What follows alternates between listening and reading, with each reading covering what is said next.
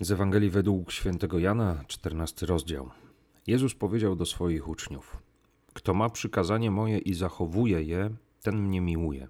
Kto zaś mnie miłuje, ten będzie umiłowany przez Ojca mego, a również ja będę go miłował i objawię mu siebie.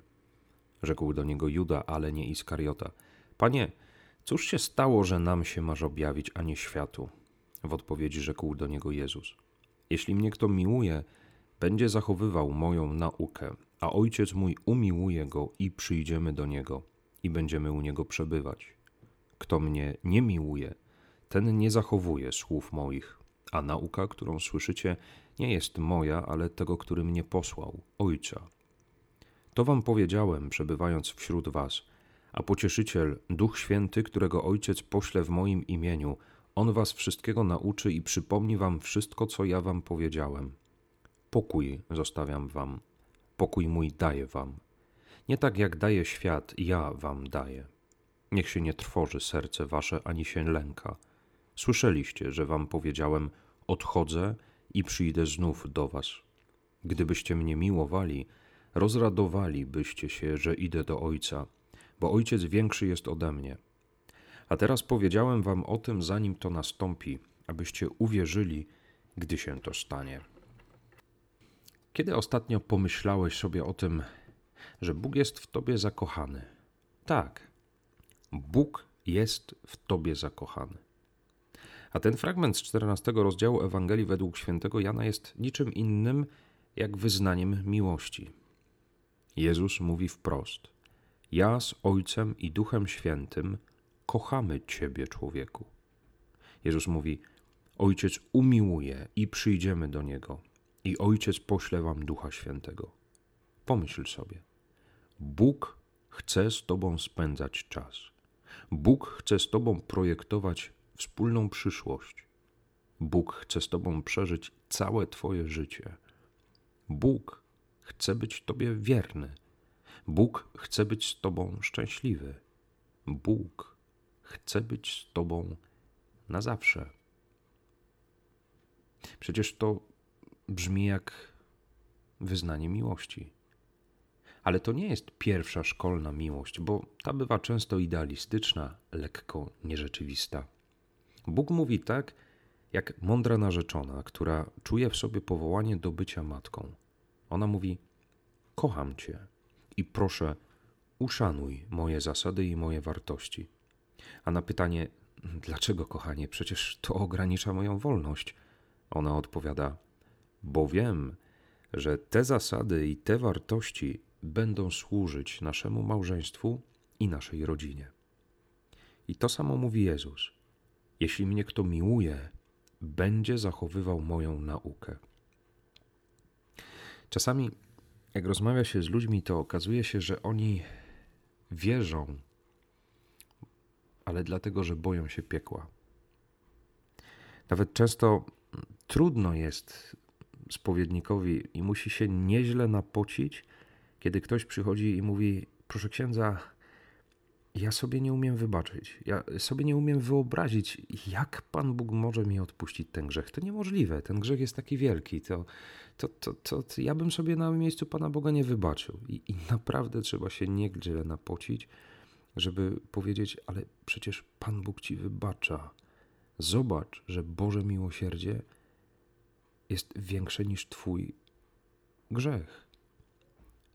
A ktoś mówi, ale moje wyobrażenie, moje poczucie, że nie zasługuję na odpuszczenie grzechów, ono jest ważniejsze. Ja bardziej czuję się zły, grzeszny, niż wierzę w to, że Pan Bóg mi odpuszcza.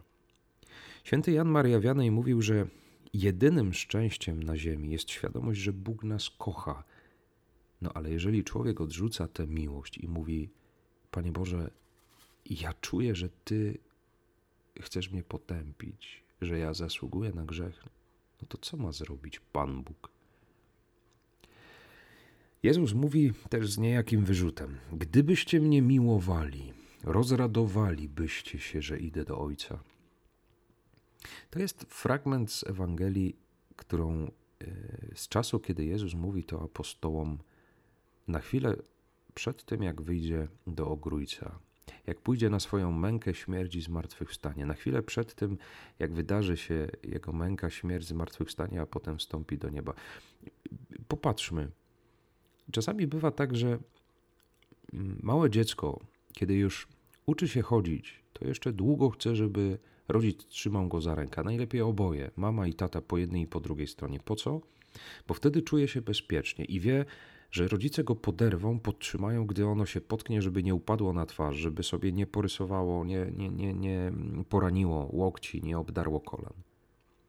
Nie jeden młody kierowca po zdanym egzaminie na prawo jazdy chciałby, żeby jeszcze przez jakiś czas jeździł z nim instruktor albo mm, rodzic, ktoś starszy na bocznym siedzeniu, żeby mu mówił prawa wolna. No bo tak jest łatwiej, tak bezpiecznie, jak ktoś ci powie, że nie zauważyłeś jakiegoś znaku. I podobnie bywa w dorosłym życiu. Nieraz chcemy, żeby był przy nas przełożony czy bardziej doświadczony pracownik, gdy e, mamy pierwszy raz sami obsługiwać maszynę, nadzorować jakiś proces, przygotować raport, rozliczenie czy inną ewaluację. A wszystko wiadomo, dla bezpieczeństwa, dla pewności. Potem już sami możemy być kimś, kto będzie uczył innych, ale na początku jednak byśmy chcieli, żeby ktoś nam pomógł. I koniec końców są pewne mechanizmy w naszej psychice, które pozwalają nam uzyskać pewność w tych sytuacjach. Gdy w myślach zachowujemy czyjeś wskazówki, włączamy czyjeś wartości we własną hierarchię, a wzór kogoś innego włączamy we własny kodeks moralny.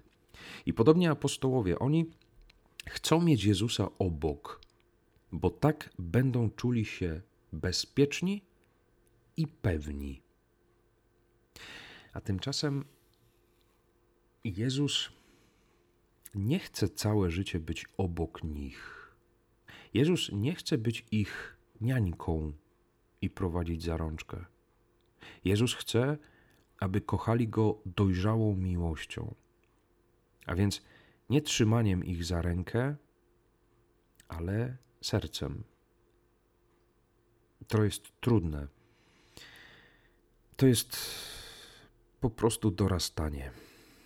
Jezus nie chce być obok uczniów, ale w ich sercu.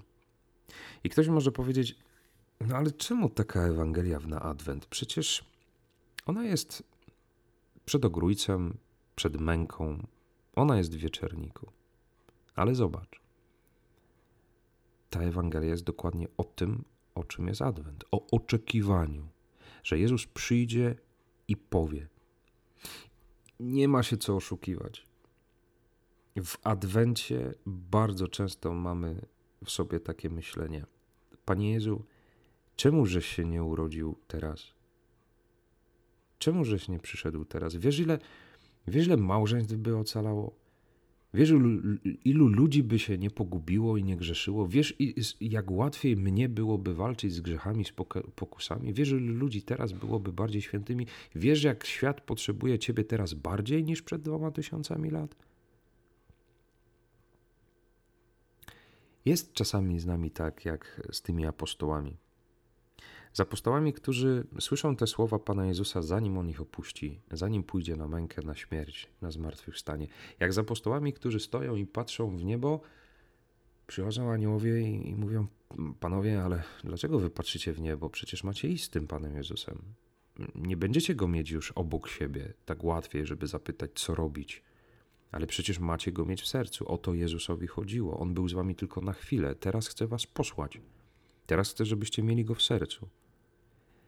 Pięknie o tym mówił nasz rodak Adam Mickiewicz. Do nieba patrzysz w górę, a nie spojrzysz w siebie. Nie znajdzie Boga, kto go szuka tylko w niebie. Jest tutaj mądrość Kościoła, o której chcę powiedzieć.